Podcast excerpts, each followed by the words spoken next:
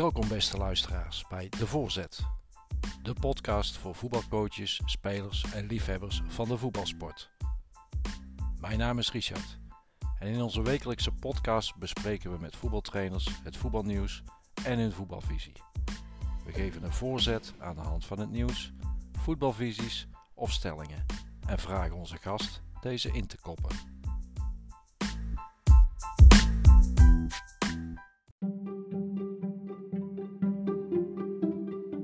Wel een plan. Ja? Ehm, eh, en dat is eigenlijk ontwikkeld de afgelopen jaren, moet ik zeggen. Eh, sinds dat, eh, toen Patrick Lodewijk bij, het, bij de mannen, zeg maar, keeperscoach werd. Hoe vaak kijkt een, kijkt een trainer-coach, als je geen affiniteit met keeper hebt en je bent met voetbal bezig, dan ben je waarschijnlijk misschien met die tien veldspelers bezig, maar kijk je ook wel eens naar je keeper. Een van die cursisten was Ron Vlaag, die zat in die, en die Ja. stelde wel een paar hele goede vragen. Wat hier gedaan? Ik heb met, eh, nou goed, je kent hem, bij jullie, bij jullie keeperscoach bij Sarto gesproken. Ja, je hebt met, eh, met Ruud gesproken. Met Ruud gesproken. Eh, samen met je keeperscoach, zeg maar, Mhm. ook het gesprek aan te gaan over wat verwachten we nou van een keeper. Dat is ook Mhm. interessant. Maar waarom gaan we dan keepers op hele jonge leeftijd al in de goal zetten? Dat ze ook gewoon een keer laten keepen. Ja. Dat ze ervaren van hoe is dat nou eigenlijk. En dat ze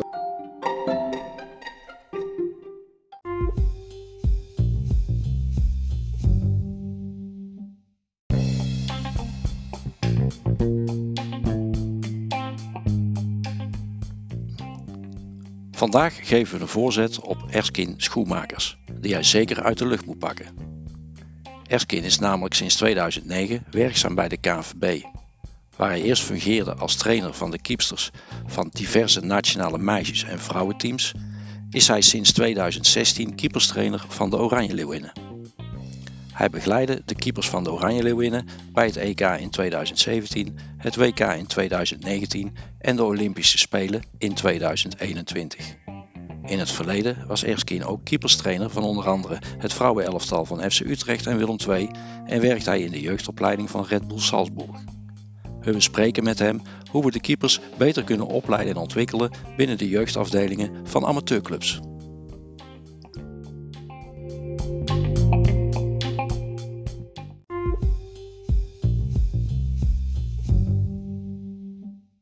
Welkom eh Erskin in de, in de podcast, in de voorzet. Dankjewel Richard.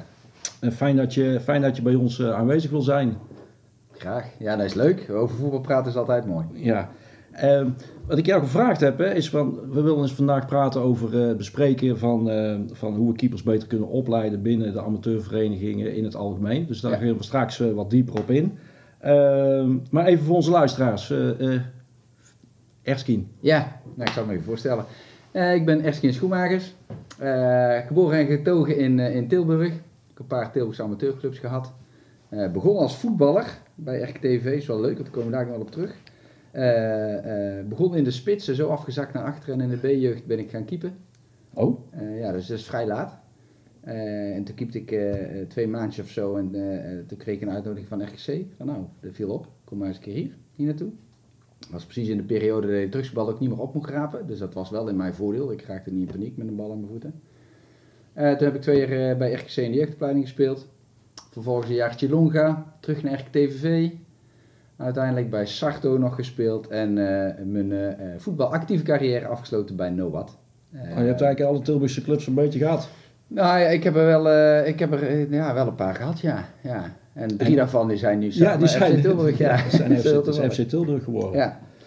Dus dat was mijn actieve carrière, zeg maar. Maar eh, toen ik, eh, eh, de eindperiode, toen ik bij Sarto speelde en later ook bij Nowat, toen ben ik al wel, ik ben eigenlijk al begonnen met keeperstraining geven toen ik, eh, toen ik bij RKC zat, volgens mij. Dat deed ik toen bij RKTVV, dus toen was ik nog heel jong. Maar dat ben ik altijd wel blijven doen. Dus ook bij de amateurclubs waar ik voetbalde, deed ik dat ook al voor de jeugd. Ja. En op een gegeven moment kreeg ik een belletje van Willem II. Van joh, eh, we zoeken iemand in de jeugdopleiding. eh, je naam is voorbij gekomen. Eens een keer komen praten? En eh, moest je, ik moest ook stage lopen. Als trainer moest ik stage lopen. Ja. Dat is ook mooi. Dus een paar, paar trainingen gegeven. Beoordeeld door Frank Brugel, die toen nog keeperstrainer was bij, van, van het eerste van Willem II. En uiteindelijk heb ik daar, ben ik daar zeg maar mijn professionele En had je, toen, had je toen ook al eh, trainingscursussen gevolgd? Of, of Toen had ik op het gebied van eh keeperstrainingen had ik toen de diploma's die er waren, dat waren Ja. er eigenlijk maar twee. Die had ik gedaan. Die waren dan eh, bij Frans Hoek onder auspiciën van de KVB. Ja, ja. Later ben ik ook nog uh, gewone trainingscursus gaan halen. En ik, ik heb in 2000, moet ik even goed zeggen, 17 uh, goalkeepercoach WVA. Ja, dat is het hoogste niveau, toch? Ja, dat is de, ja, het hoogste niveau wat je als keeperscoach kunt halen ja. binnen Europa. Ah, wereldwijd okay. volgens mij zelfs, ja. Ja, ja. ja. Dus eigenlijk kun je dat vergelijken met coach betaald voetbal. Uh, in, of, of, mag je dat zo niet vergelijken? Nou ja, het was de insteek. En dat, dat, dat, die discussie gaat al een tijdje. Die cursus is eigenlijk opgestart omdat iedereen, maakt niet uit wie, die kan nu als keeperscoach in het profvoetbal aan de slag gaan. Daar heb je okay. eigenlijk geen papiertje voor nodig. En als hoofdcoach moet je dat wel. Ja. En als assistent moet je dat ook. Maar ja. keeperscoach hoeft dat niet. En dat is natuurlijk raar. En toen hebben ze gezegd, nou, daar, daar moet wel wat voor komen. Dus toen is die... Eerst noemden ze het goalkeeper uh, coach pro. Ja, dat is later UEFA geworden. Prima. Nou, die moest je gaan halen. En uh, dan zou er ook een licentie aankomen bij BVO's. Van ja, je moet er wel zo iemand hebben. Maar die licentie is er nog steeds niet. Dus je kunt nog steeds als... Uh, ja, de loodgieter of de... de ja, kan de, als coach aan de slag. Kan allemaal, ja. ja. De vraag is of je het dan redt. Dat is iets anders, ja, ja dat is iets anders. Um, dus dat was eigenlijk, ja, dan ben ik begonnen als uh, keeperscoach bij, uh, bij de jeugd van Willem II. Die kreeg op een gegeven moment ook een vrouwenteam. Dus kreeg de vraag van, hey, wil je ook bij de Eredivisie vrouwenteam aansluiten? Prima, hartstikke leuk. Ook gaan doen. Um, uiteindelijk uh, ben ik bij Willem II weggegaan, bij FC Utrecht terechtgekomen. Uh, bij het vrouwenteam van FC Utrecht. En, en, waarom ben je toen bij FC Utrecht terechtgekomen? Ja, dat was ook, kijk, de jeugdopleiding, uh, daar was uiteindelijk al, het was ook in een periode dat Willem II financieel gezien niet heel erg best ja, ging. want de vrouwentak is toen toch gestopt, of is dat in die periode? Nee, die is, dat is heel raar. Uh, uh, de jeugd stopte bij mij eerder als het vrouwenteam. Okay. En dat had te maken met financiën, begreep ik ook. Toen moesten ze een keuze maken, want we hadden meerdere keeperscoaches. Ja, met wie gaan we door? En toen zijn ze doorgegaan met Roland Jansen, natuurlijk ook Willem II verleden, mm -hmm. zo werkt het dan. toen ben ik wel bij het vrouwenteam gebleven.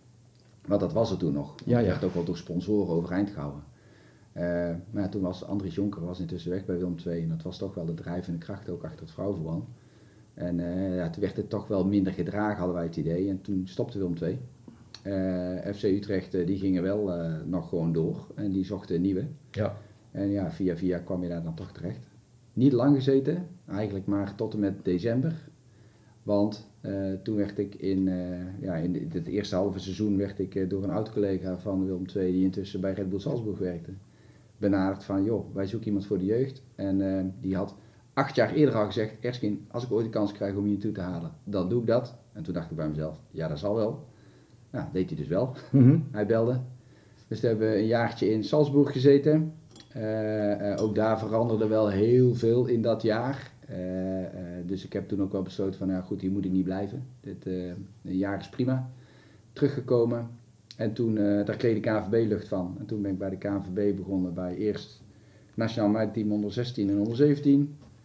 En toen nog twee talententeams, eentje in Amsterdam en eentje in Eindhoven kwam er toen nog bij. En sinds oktober 2016 zit ik bij de Leeuwinnen, dus bij het grote Oranje, zeg maar, ja. bij, de, bij de Nederlandse ja. Ja. Nou, dat is een hele, hele, ja, een hele mond vol. Uh, ja. uh, en, en, en, met name ook uh, dat je dus ook het buitenland ervaring hebt. Hè? Je zegt Red Bull Salzburg. Ja. In de jeugdopleiding gewerkt. Ja. en je hebt bij de jeugdopleiding van Willem II gewerkt. Ook. Als keepercoach. Wat is het verschil tussen die twee landen? Als je kijkt naar opleiden. nou, het was wel... Kijk, FC, Red Bull Salzburg kon je toen echt wel vergelijken met het Ajax van Oostenrijk. hele duidelijke filosofie over hoe ze wilden voetballen. Um, en dat was ook wel grappig. Bijvoorbeeld een van de pijlers was uh, 1 tegen 1 moet iedereen kunnen domineren. Dus of je nou spits bent, linksbuiten, rechtsbuiten of linksback, maakt niet uit. Als je in een 1 tegen 1 situatie komt moet je winnen. en er is geen rugdekking, dan moet jij die tegenstander uit kunnen spelen. Want dan creëer je bijna automatisch Mhm. overtal. En hij zei dat heel mooi toen, die, uh, uh, die oud-collega, die was intussen dus hoofdopleiding. En ik denk, ja, nou goed, ja, uh, ben benieuwd. En um, dus dan gingen we kijken een keertje, gewoon een weekend. En uh, nou, verdomd dat niet waar, als je linksback komt aan de bal, er is een 1 tegen 1, vloep, is er voorbij. Ja. Allemaal vaardig. Oké. Okay. Het is niet uh, representatief voor heel Oostenrijk, zeker niet. Maar daar was de situatie bij Red Bull toen wel. De jongens konden allemaal gewoon goed voetballen. Dus dat, dat zeg je, dat was het DNA van, het, van, het, van de ploeg, of Ja. van, de, van de opleiding. De Eh, zeg maar, eh, in een 1 tegen 1 domineren, dat moet je winnen. Ja, dan moet je winnen. Hoe, hoe gaat dat dan met de keeper? Ja, keeper is natuurlijk net wat anders. Uh, maar dat was ook wel een van de redenen waarom je mij daar naartoe wilde halen. Want die lijn die was er nog niet echt. Dus Mhm. wat verwachten we nou van de keeper? Uh, binnen alle hoofdmomenten van het voetbal. Hè, binnen, Ja. en, en, en daar moesten we dus nog wel lijnen in aan gaan brengen. Het werd ook nog vaak gezien echt als een los onderdeel van.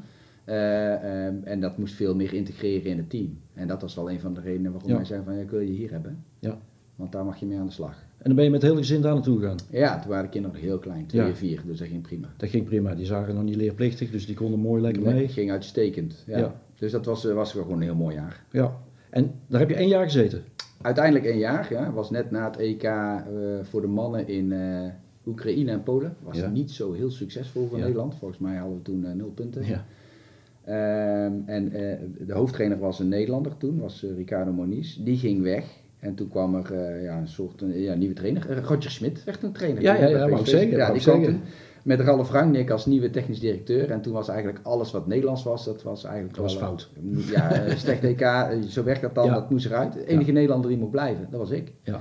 En dus ik heb het toen nog een, een half jaar uh, ja, volgehouden, klinkt heel vervelend. Maar ik merkte wel gewoon dat Dat de heeft een andere ander- sfeer. Andere sfeer. Ja. Ja. eh, ehm, ik vond ook wel dat, dat ze anders naar keepers keken. Ja. Toen, eh, wa- waar die integratie veel meer plaatsvond eh, daarvoor, dat werd ook wel wat anders. Toen zag je veel vaker dat dan, als ik dan even niet bij zo'n groep was en ik keek, dan zag je twee keepers eh, apart met elkaar nog een balletje overspelen. Mhm. Terwijl die jongens met positiespel bezig waren. Ja, dan denk je, ja jongens, Ja, dat ja. kan niet. Ja, doet Smit dat nou ook? Geen idee. Nee, weet ik niet. Nee, maar met Smit had ik toen niks te maken. Nee, Nee, ik zat echt bij de jeugd. Maar ja, Oké, mooi. Ehm, hey, we gaan even naar een, naar een fragment luisteren. We gaan even terug naar, eh, naar eh, ik even kijken, eh, volgens mij was het 2019, eh, 2017 denk ik. 2017 zelfs. Al, oh, wat gaat de tijd toch hard. Ja. We gaan even naar een fragmentje luisteren eh, en dan komen we zo even op terug.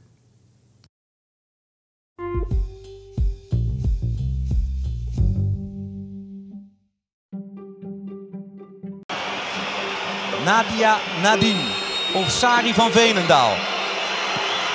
Nadia Nadine. Het staat 1-0 voor Denemarken. Sneller van de Zanden. Naar binnen natuurlijk. Van de Zanden. Miedema voor het doel! 1-1! Meter of 22. Recht voor het doel van Stina Lieke. De captain van Oranje. Spitsen. Daar langs en erin! 3-2. Miedema! Europees kampioen. Dat kan niet meer mis. Viviane Miedema.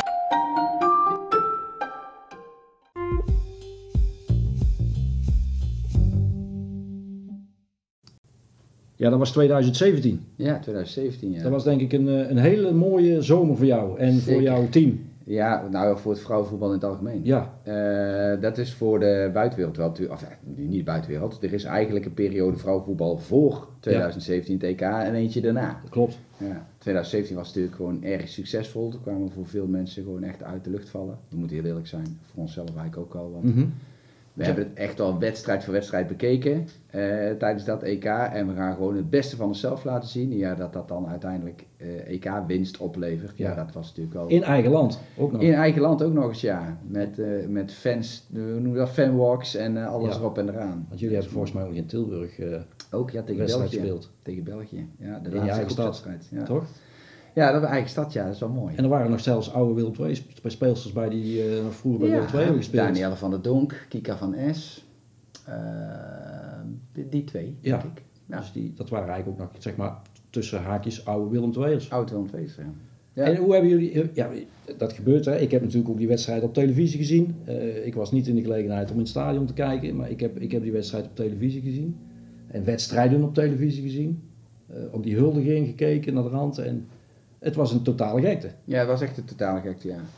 En die maakt het ook wel spannend, vond ik, voor de periode daarna. Want dan eh, uiteindelijk eh, kwalificeren we ons voor het WK Ja. na play-offs. En de WK was 2019. Was je niet rechtstreeks gekwalificeerd Nee, dan? nee, want we speelden in de allerlaatste wedstrijd tegen Noorwegen, die verloren we uit. En eh, daar hoefden we maar gelijk te spelen, maar Mhm. die wedstrijd was echt een complete off-day. Eh, en toen moesten we in de barrage tegen eerst eh, Denemarken, ook leuk, want het was natuurlijk finalist in, eh, in 2017.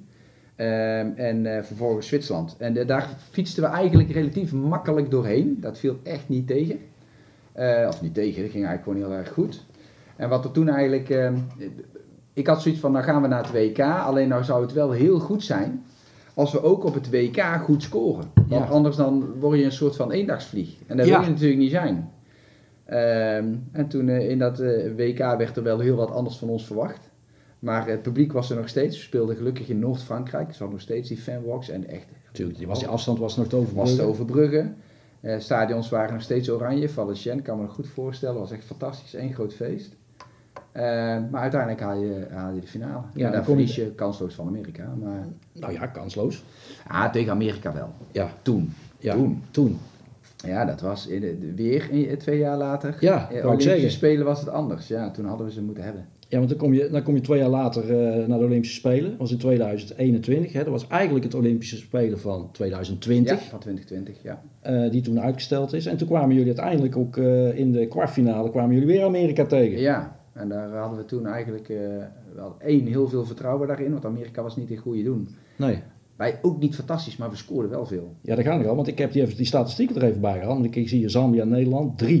Ja, Ja, met alle respect, 3-10. Ja, Eh, Nederland, Brazilië 3-3. 3-3. En Ja. dan Nederland, China 8-2. Ja, ja, dat was echt bizar dat we zoveel scoorden. Ik kreeg er ook wel iets te veel tegen. Ja, je krijgt inderdaad, als je kijkt naar, Ja. naar, als je kijkt naar de keeper, ja. keeperscoach, dan... Ja, is waar. Maar ja, uiteindelijk heb ik liever dat we met, eh, eh, de- de- de- wat was het, eh, 8-3 winnen of 8-2 winnen is ook dan, dan, dan eh, 0-0. hè. Ik bedoel, die 0 is leuk. En, maar ik Maar, nu, maar, maar in die kwartfinale, dan, dan speel je 2-2, dan is het verlenging geweest en dan komen strafschoppen. Ja.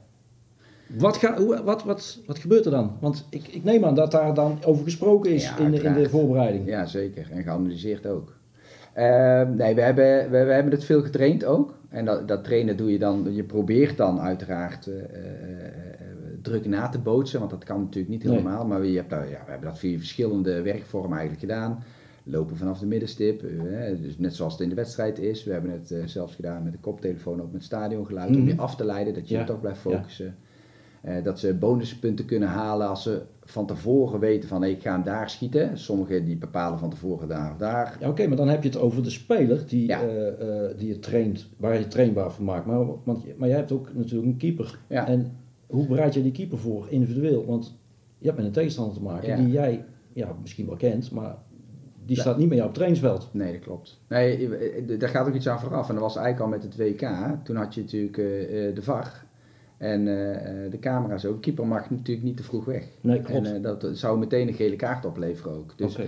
en, en, en keepers, deed ik vroeger zelf ook. Ik bedoel, als je de gelegenheid had, dan kwam je altijd al een meter naar voren bijna voordat hij genomen werd. De Ja. dag ging je weg. En er was niemand die daar iets van zei. Nee, maar dat is tegenwoordig anders. Dus, dus daar hebben we wel aandacht voor gehad, van let op het moment. Dus dat we op zoek gingen naar het juiste moment. En dat is Mhm. per keeper ook wel een beetje anders. Mhm. Eh, en we hebben natuurlijk veel van de tegenstander naar penalties gekeken. Eh, en, en ik moet wel zeggen dat we hebben echt heel veel penalties geanalyseerd. doen we altijd wel. Ehm, nou, een aantal van Amerika deden gewoon wat anders dan wat de analyses uitwezen. Ja. En, en eh Rapino, die de laatste maakte, ja, die laat zich gewoon niet analyseren. Nee, die, die is gewoon onvoorspelbaar. Hoeveel penalties je ook kijkt, ja, daar krijg je gewoon geen hoogte van. Ja. Dus dat maakt het lastig. Ja, en we misten zelf natuurlijk, dus ja, dan ja, uiteindelijk moet je ze zelf scoren. ook. En eh, ja, dat is belangrijk. En, maar, dan, maar dan heb je de kwartfinale gehaald. En dan heb je eigenlijk in, in ja, bijna vier jaar tijd. Als ik dat even zo even kort. eh, ja, ja. Ja. Is binnen vier, in vier jaar tijd heb je drie grote toernooien gespeeld. Ja, dat is wel mooi. Want normaal gesproken in vier jaar tijd speel je Ja, max twee toernooien. Ja, maar twee jaar, nu zat die Olympische Spelen erbij. Ja, Ja, ja. ja dus dat was wel uniek. Ja, En eh, ja, nou, mooi. Ik denk dat dat, eh, dat ook iets moois is om, om dat mee te maken. En, Absoluut. En, eh, ja, ik kijk dan natuurlijk ook, hè, ik ken je natuurlijk, en dan zit ik op televisie te kijken en dan denk ik, ja, daar staat toch iemand eh, hè, die, je- die je persoonlijk kent. ja. En dan heb je daar toch ook weer een ander gevoel bij als je naar zo'n televisieprogramma zit Ja, of naar zo'n wedstrijd zit te kijken. Ja, Ja. leuk. Even, even terug naar onze stelling. Ja. We hebben nou even over jouw persoontje gehad en over eh, jouw werk tot nu toe.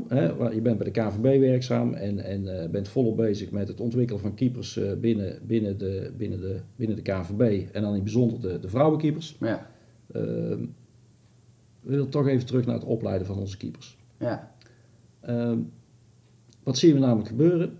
Ik, ik heb hier een artikel, stond, ik denk vorige week of zo, stond dat in de, eh, in op de NOS-site. En ik was eigenlijk eh, naar aanleiding van een, eh, van programma Studio Voetbal. Mhm. We gaan even naar het fragment luisteren van, van Studio Voetbal. En dan gaan we er dadelijk even over doorpraten. Ja, is goed.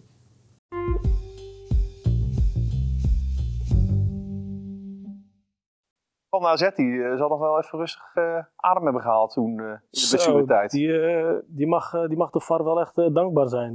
Want ik denk dat hij samen met die keeper van Vitesse wel eh, nek aan eh, nek eh, race. Met Schubert. Ja, wat betreft de slechtste keeper van de Eredivisie. Ja, dat is echt ongelooflijk. Wat een bron van onrust is hij zeg. Ongelooflijk. hè. Schubert keept eh, op het moment niet. Nee, Hij had net één- terecht, één maar goede redding had hij. Die, die bal verlakt. Maar je zegt slechtste keeper van de Eredivisie. We kunnen er nog wel een paar bij halen. Lamproe dit weekend. Nee, klopt. Maar kijk, dat zijn jongens die spelen bij PEC Zwolle. Je hebt ook natuurlijk die jongen van RKC. Ja, maar zegt van de je mag toch- Eredivisie. ja, maar je mag wel verwachten van een club als AZ en, en Vitesse dat ze wel wat, eh, wat betere keepers hebben, toch? Maar hij mag ook van een keeper van Zwolle van dat je kan, bal kan vangen. Ja, maar, we- we- Ja, maar hij is 1,20. maar, maar, Ah, maar- maar- 76. maar de fout, Maar dit heeft toch niks met lengte te nee, maken? de fout die hij hier maakt is gewoon, hij wil een bal vangen. Ik bedoel, als hij hem hier gewoon wegstond, is er niks aan de hand. Maar hij wil even laten zien dat hij ook kan springen. Ja. En, en terwijl die landt, komt hij op de hoofd bij de Rietstra. Maar je, je kan toch ook nog zo vangen? In plaats van zo? Dat is, dat is mooier, denk ik, als je hem zo vangt. Dan Ja, naar voren. Ben je alleen wel te Maar laat. zouden we niet Ja. gewoon in Nederland eens een keer een, eh, we hebben, we hebben Frans Hoek. Zouden we niet eens gewoon een plan moeten schrijven om de komende tien jaar eh, een aantal talentvolle keepers eh, op te kweken? Dus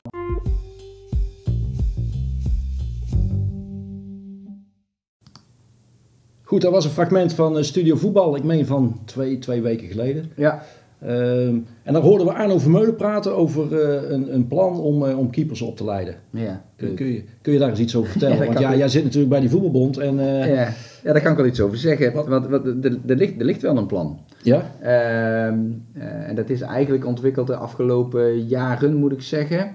Sinds dat, toen Patrick Lodewijks eigenlijk bij, het, bij de mannen, zeg maar, keeperscoach werd. Ehm, ehm, toen zijn we eigenlijk met elkaar in contact gekomen. En toen, eh, ja, daar is, wel, daar is wel een plan uitgekomen. Heel kort, even, eh, heel kort ga ik even uitleggen wat vandaan komt. Het komt eigenlijk vandaan dat wij aan onze meiden-vrouwenkant, zeg maar, constateren van... hé, wij vinden dat we keepers beter moeten opleiden in heel de linie. Eh, ehm, de KVB heeft daar nog een iets grotere rol in. Maar Dus dan moet je onderaan beginnen. Maar als je onderaan wil beginnen, moet je wel weten wat je bovenaan vraagt. Ja, klopt. Dus toen dachten we, we moeten een profiel gaan maken van de keeper van het Nederlands elftal. En dan gaan we die afpellen naar leeftijden om te kijken van oké, wat bieden we dan in welke leeftijd aan om ze uiteindelijk zo volledig mogelijk op te leiden. Ehm, en we zaten geregeld met alle keeperscoaches van nationaal teams bij elkaar. Ehm, mannen, vrouwen, jongens en meiden. Eh, en dat was dan onderaan sturing van Patrick. En toen vroeg ik in dat overleg ook van luister, wij willen dat profiel gaan maken. Wat is er al? Eh, want dan hoeven we het wiel niet opnieuw uit te vinden. En toen moest Patrick ook al toegeven van, eh, ja, nee, ja er, is, er is eigenlijk nog niks wat ik weet. Dus eh, ehm, toen dacht ik, nou ja, wij gaan hem sowieso maken. En met wij bedoelde ik dan mijn persoontje en Eline Sol, die ook bij de, bij de bond werkt als keeperscoach. Eh, Eline en ik gaan aan de gang en haak aan waar je aan wil haken. Daar Ja. graag, want ja, ik vind dat, dat dat er ook aan onze kant moet zijn. Dus En, nou, en bedoel je met een profiel, een soort competentieprofiel van hoe een, Ja. wat, wat er gevraagd wordt van een Ja. keeper op het allerhoogste niveau? Ja, Oké. dus, dus, dus, dus we, hebben dat, eh, we hebben het gewoon het voetbal verdeeld zoals we dat in, in, bij de KNVB doen, hè, in teamtaken, teamfuncties. Ja. Ehm, en per teamtaak en teamfunctie hebben we beschreven in competenties van wat verwachten we nou van een keeper uiteindelijk op het allerhoogste niveau. Mhm. En wat betekent dat dan als een keeper onder 13 is? Of Ja. onder 14, onder Ja. 15? Ja, Ehm, want ik hoorde toen ook wel eens eh, keeperscoaches uit de jeugd praten. Ja, fantastisch keepertje heb ik hier. Maar ja, eh, we hadden het over een keeper van eh, onder 12. Maar ja, coach nog niet. En dan denk ik, ja, maar ja, is dat belangrijk? Dus we moeten wel prioriteren, zeg maar, wat we belangrijk vinden in een bepaalde leeftijd om aan te bieden. Ja. En, en, dan, en dat dan uiteindelijk methodisch opbouwen richting, Precies. richting Precies, en, en dat hebben we in, in eh, anderhalf seizoen, zeg maar, eh, eh, met Patrick vanuit de mannenkant, samen met Siert van den Berg, keeperscoach van Jong Oranje, Eline en ik vanuit de vrouwen- en de meidenkant, zijn we daarin aan de slag gegaan. En daar is, daar is dat competentieprofiel, en dat is eigenlijk een plan, zeg maar, wat er, wat er is, dat is daar eigenlijk uit voortgekomen. Eh, en dat was nu eigenlijk een moment om dat wat meer uit te gaan rollen. Ja. En nu? Ja, ja, Patrick is er niet meer. Nee. En, eh, eh, dus dat is wel erg jammer. Ja. Eh, wat niet wegneemt dat we helemaal stilzitten, maar het loopt wel vertraging op. Ja. Dat, is, dat is wel zo. We, hebben, we hebben het prof, wat, laat ik even uitleggen ook. Want gaandeweg kom je steeds verder. In het begin dachten we alleen maar van ja, weet je wel, we moeten voor keeperscoaches dan wat maken. Ehm, maar uiteindelijk hebben gewone, gewone, ik zeg even zeggen, gewone trainer-coaches er ook wat aan. Ja. En dat hebben we nu ook binnen een, een eh, pilotcursus binnen de KNVB voor ex-contractspelers. Dat was een pilot WVC. Eh, daar hebben we hem eh, eh, nu ook geïntroduceerd. En dan is het een verkort profiel met een aantal coachvragen. Want wat gebeurt er nou? Hoe vaak kijkt een, kijkt een trainer-coach, als je geen affiniteit met keeper hebt en je bent met voetbal bezig, dan ben je waarschijnlijk misschien met die tien veldspelers bezig, maar kijk je ook wel eens naar je keeper. En stuur je die keeper ook wel eens aan. En dat, dat hoeft niet tot in detail te zijn over Mhm. hoe je een bal vangt of hoe je technisch... Nee, dat nou zijn de technische vaardigheden van de keeper. Precies, dat is niet zo belangrijk. Maar positie is wel iets Ja. wat essentieel is. Ja. En je hebt wel een idee van, ja, wil je een keeper hebben die de ruimte bespeelt? Ja, dan zal die keeper ook aan moeten sluiten. Ja. Maar misschien heb je ook wel een keeper van je weet, die kan dat niet. Maar die is heel goed in ballen tegenhouden. Ja, dan mag hij misschien wat lager staan. Ja. Ehm, nou, dat besef kan er ook bij een trainer-coach zijn. Dus wat we gedaan hebben in die WVC-opleiding is, we hebben ze meegegeven wat zijn de taken van een keeper in, op dat bepaald moment. En wat kun je als coach dan vragen, ook als je training geeft aan een, aan een ploeg, van je keeper. Dus wat kun je aan de keeper vragen om die keeper alleen maar aan te zetten. Ja. En, en dat is vaak positie gerelateerd. Eh, eh, maar je, er gebeurt wel wat. Plus er is aandacht voor zo'n keeper. Ja. Dus dat is wel interessant. En ik ben ook wel benieuwd hoe dat eruit rolt. En een van die cursisten was Ron Vlaag. Die zat in die, en die Ja. stelde wel een paar hele goede vragen. Want, en, en, en een paar goede constateringen. Want die zei van ja, dat is wel interessant, zei hij. Daar heb ik nooit zo over nagedacht. Maar wij verwachten op zaterdag van alles van die keeper. Maar eigenlijk gedurende de week, bij trainingen, let ik er eigenlijk helemaal niet op, zei hij. Nee, Dan ben ik daar niet zo mee bezig. nee. Ik zeg nou, maar dat is dus de winst. Want Ja. daar ben jij de volgende keer dat jij je training ontwerpt en, en denkt van, oh wacht even, ik heb ook een keeper, heb ik ook, die heeft ook een rol. Ja. En dat kan ook een tegenstrijdige doelstelling zijn. Hè? Als jij met je team in de eindfase zit van eh, eh, scoren, ja, dan heb je vaak de keeper die een tegenstelde doelstelling heeft, want die heeft daar waarschijnlijk doelpunten voorkomen. Ja, klopt. Maar voor doelpunten voorkomen, dus echt de redding brengen op het laatste moment, heb je ook nog wel iets met indirect gevaar, noemen we dat dan ook. Hè? Dat zit eigenlijk bij storen.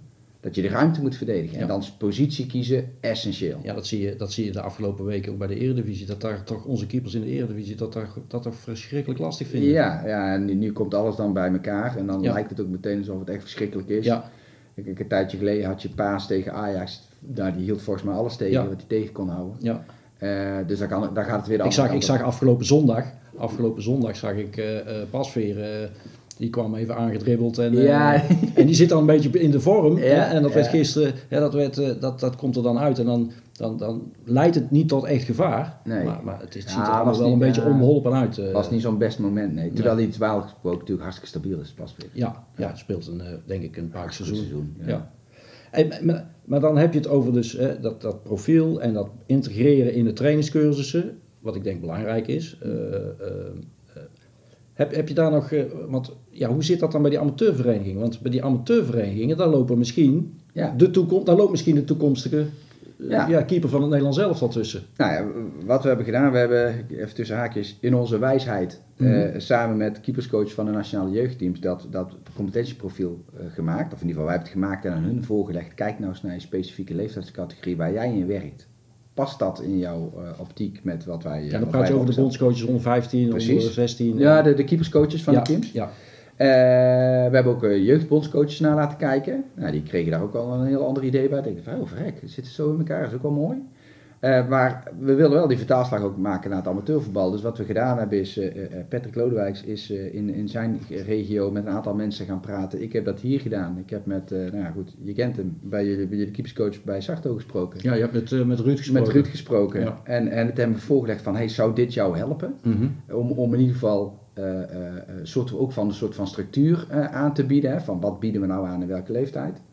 Ehm, ik heb ook met, eh, met een hoofdcoach gesproken, met Werner Kos gesproken, Mhm. die van Sarto uiteindelijk die Ja, bij VOAP zit. ja, oude Sar- Arsarta hoofdcoach, die nieuwe hoofdcoach bij, eh bij, bij Bij VOAP ja. zelf nog mee gespeeld eh, Ja. in het verleden. Dus eh, Werner gebeld. Dat is ook mooi, want Werner heeft ook een pedagogische achtergrond. Mhm. Dus ook met hem gaan zitten van, hey, zou dat, dit jou als hoofdcoach helpen ook om eh, samen met je keeperscoach, zeg maar, Mhm. ook het gesprek aan te gaan over wat verwachten we nou van een keeper? Dat is ook Mhm. interessant. En die, daar kreeg ik ook een goede feedback van terug. Dus die hebben we weer bij elkaar gebracht. En we- daar zijn we nog wel een beetje aan het zoeken van hoe ga je het nu dan zeg maar richting amateurcoaches Ja, en keeperscoaches Ja. brengen. Om, eh, om, eh, om hun- kijk, het is niet van, niet van Patrick of van mij. Of nee, nee, nee. Uiteindelijk, moet, uiteindelijk moeten de, de, de clubs denk ik eh, daar hun ding mee doen. En Ja. de keeperscoaches die daar werken. Eh, eh, ik ben natuurlijk zelf nou betrokken bij Sarto als, eh, als technisch jeugdcoördinator. En ik merk wel dat we binnen de, binnen de keepersopleiding nu toch wel heel veel stappen aan het maken zijn. Ook Mooi. richting, eh, richting de ondersteuning naar de spelers en, en ook eh, de staf die we daar aan het eh, Ja. bouwen zijn. En dan vind ik het toch wel mooi om te horen ook dat, dat vanuit jouw expertise, dat we daar ook weer iets mee, dat we daarmee verder kunnen. Want mogelijk zit daar, ja je weet het niet, zit daar mogelijk de, Zeker. de, Zeker. nieuwe, de nieuwe keeper van het Nederlands team tussen. Of misschien wel de keeper die wij straks bij Sarto 1 eh, eh, Ja, eh, nou, maar zo is het ook. En dat is, die is ook wel leuk, want wat, wat we ook hebben gedaan in dat stuk is dat we een stukje visie, is, is kort, want we wilden het, een behapbaar document houden. Maar daar staat bijvoorbeeld wel iets in, oké, hoe kun je keepstraining aanbieden? Hè, dat, kan, dat kan natuurlijk geïsoleerd en dat heb je met name in de jongste leeftijdscategorie. Hè, als je het dan hebt over vangtechniek of valtechniek, ja, dat, dat, daar ga je in eerste instantie wat geïsoleerd doen. Maar op een gegeven moment moet je dat ook integreren in Ja. hoe doe je het dan met de groep. Ja. Eh, en sommige competenties kun je alleen maar doen met, met veldspelers bij, want anders dat, er zijn al inzichtelijke competenties bijvoorbeeld. Ehm, maar wat wij ook vinden, is dat we, kijk, je hoort veel dat er bewegingsarmoede is hè, onder jeugd. ja, Eh, eh, laten we heel eerlijk zijn, het keepersvak is, is in positie niet een positie waarin je per se altijd heel veel beweegt. Niet in relatie, zeg maar, niet in dezelfde verhouding als eh, met veldspelers. Ehm, maar waarom gaan we dan eh, eh, keepers op hele jonge leeftijd al in de goal zetten? Ja. dus wij vinden eigenlijk dat je tot en met onder 12 niet met vaste keepers moet werken. nee. En het heeft te maken met de ontwikkeling gewoon van je motoriek. Ja. Het heeft nog een andere kant, is dat, eh, ehm, dat het keepersvak moet je ook een beetje verkopen, zeg ik altijd. Eh, ik, ik haal het voorbeeld aan van, eh, van mijn eh, zoontje, die speelde toen nog bij Gudok. Dus ook bij Sarto, maar toen nog bij Mhm. Gudok. En die wilde keepen en voetballen. Alleen toen op een gegeven moment ging hij voetballen en toen moest er een ander jongetje in de goal.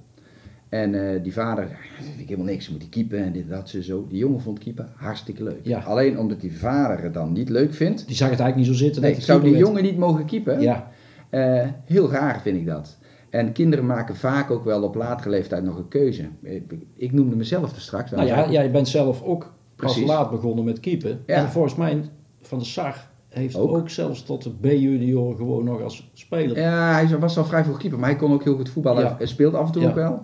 Eh, nou, Paas is een voorbeeld, die tot latere leeftijd heeft gekiept. Vermeer. Ja, Eh, Drommel is er ook een. Nou, Drommel ligt een beetje onder vuur Ja. natuurlijk. Maar laten we eerlijk zijn, eh, eh, nog steeds keeper hij, kan PSV, beter, hij kan beter keeper als dat ik vroeger heb kunnen keeper. Ja, die heeft ook tot latere leeftijd gevoetbald, dus er zijn genoeg voorbeelden van. Eh, en ehm, kijk, we willen eigenlijk natuurlijk het liefst af van een keeper die helemaal niet kan voetballen. Ja. Dat vinden we het meest ideaal. Het is wel dat je met je voeten ook nog wat Ja, kunt. Maar wat is primaire taak, denk ik? Een bal tegenhouden. Ballen tegenhouden. Dat klopt. Alleen daar heb je weer een goede motoriek voor nodig. Ja. En ehm, dus waar we nu nog wel eens voor kiezen, nou ja, laat ik zo zeggen. In de jeugd zeg je, oké, een speler moet op alle posities gespeeld hebben. Moet verdediger zijn, Mhm, moet mhm. eh, aanvaller zijn. Als je in twee linies speelt. Ja. En misschien als je in drie linies speelt ook wel een middenvelder. En dat doen we allemaal, want Ja. we vinden op alle posities. Ja. Maar die keeper nemen we niet mee. Ja. dat is gek. Ja.